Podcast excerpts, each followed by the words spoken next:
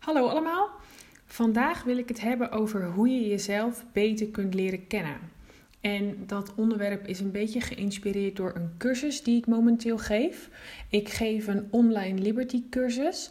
En met de 14 studenten die daarin zitten, hadden we het vorige week heel erg over onze eigen persoonlijke ontwikkeling als horseman. En waar we tegenaan lopen. We hebben het natuurlijk heel vaak over onze paarden. En ook in deze cursus ging het heel erg over het gedrag van onze paarden. Bepaalde oefeningen die wel of niet goed gaan. Dingen waar je tegenaan loopt. Um, hoe je bepaalde uitdagingen het best op kunt lossen. Maar naast dat dat stukje met onze paarden heel belangrijk is en heel goed is om daarnaar te kijken, is onze eigen persoonlijke ontwikkeling en insteek natuurlijk ook heel erg van belang. En voordat je jezelf kunt veranderen of iets van jezelf kunt veranderen, dan moet je in de eerste plaats jezelf heel goed begrijpen.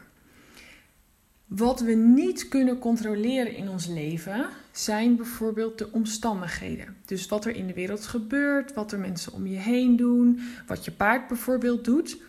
Aan de andere kant is er veel meer waar we wel controle over hebben. Zo hebben we bijvoorbeeld controle over onze gevoelens, onze gedachten, onze acties en onze resultaten. En ik denk dat het heel vaak zo is dat we eigenlijk niet eens precies weten wat we denken. Of dat we misschien niet eens weten dat we onze gedachten zelf kunnen sturen en bepalen.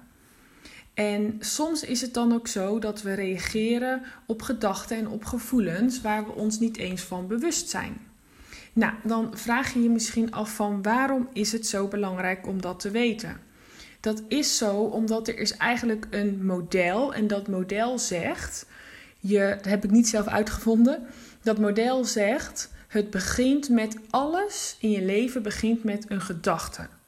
De gedachte die creëert een gevoel en het gevoel creëert een actie en de actie bepaalt onze resultaat in het leven.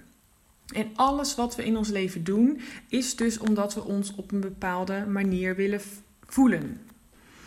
Dus misschien heb je jezelf wel eens de vraag gesteld van waarom lukt het mij niet om dit of dat te veranderen?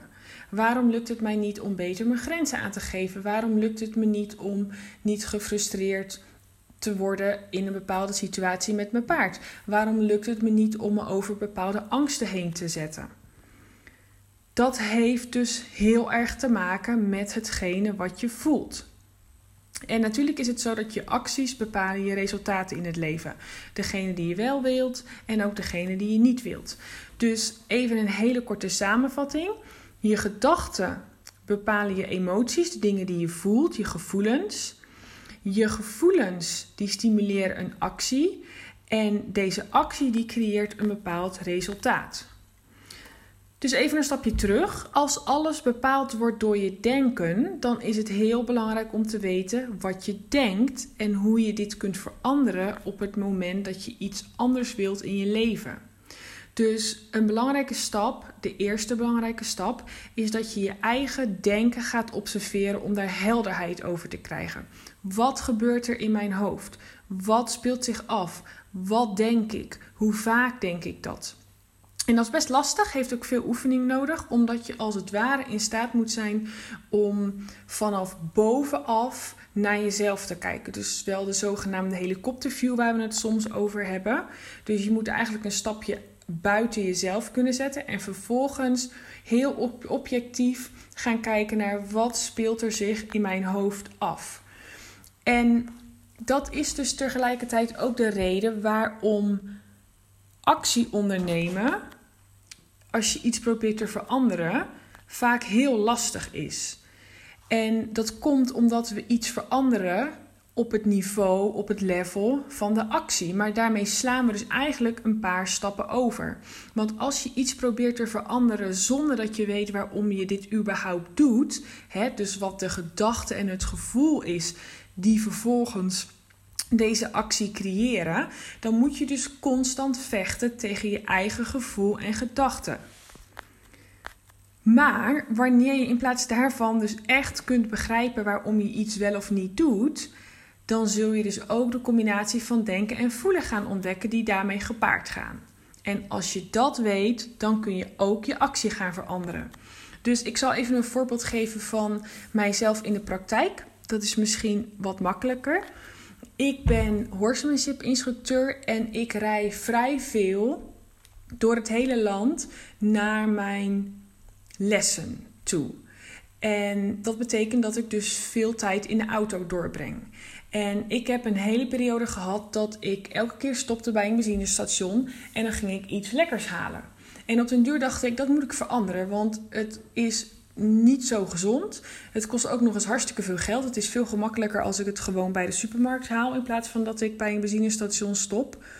En ik dacht, dat ga ik vanaf nu veranderen. Ik ga gewoon niet meer zoveel snoepjes, chips, weet ik veel wat het was, eten als ik van A naar B rij. En dat ging ongeveer, nou, ik denk een week of twee, drie ging dat goed. En toen verviel ik eigenlijk weer in mijn oude patroon van dus wel stoppen, wel iets halen en dat vervolgens op gaan eten als ik van de ene persoon naar de andere persoon reed.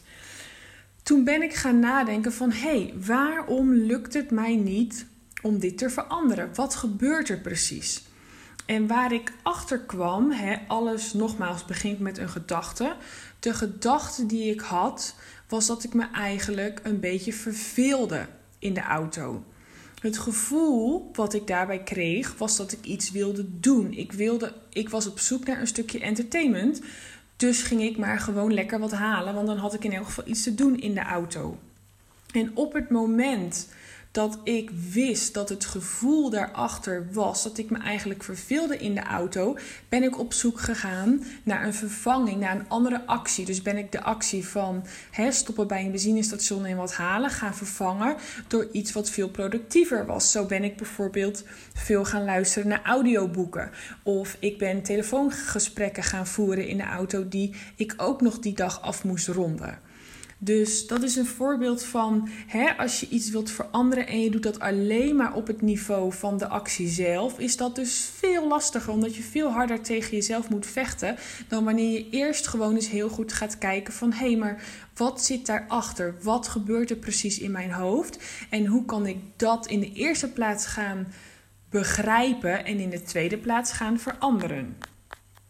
Dat is dus ook de reden waarom willpower je dus niet, of willpower alleen moet ik eigenlijk zeggen, je niet per definitie brengt waar je graag wilt zijn omdat je constant in gevecht bent met jezelf, met je eigen hoofd. Onze hersenen vinden het namelijk heel fijn om op een repeat, op een herhalingsmodus te staan. Want dat is heel efficiënt. Dus als je iets denkt en blijft denken, dan is het in je, op den duur wordt het in je hoofd lastig om dat verhaal te veranderen. Dat kost oefening, dat kost tijd en heel veel herhaling.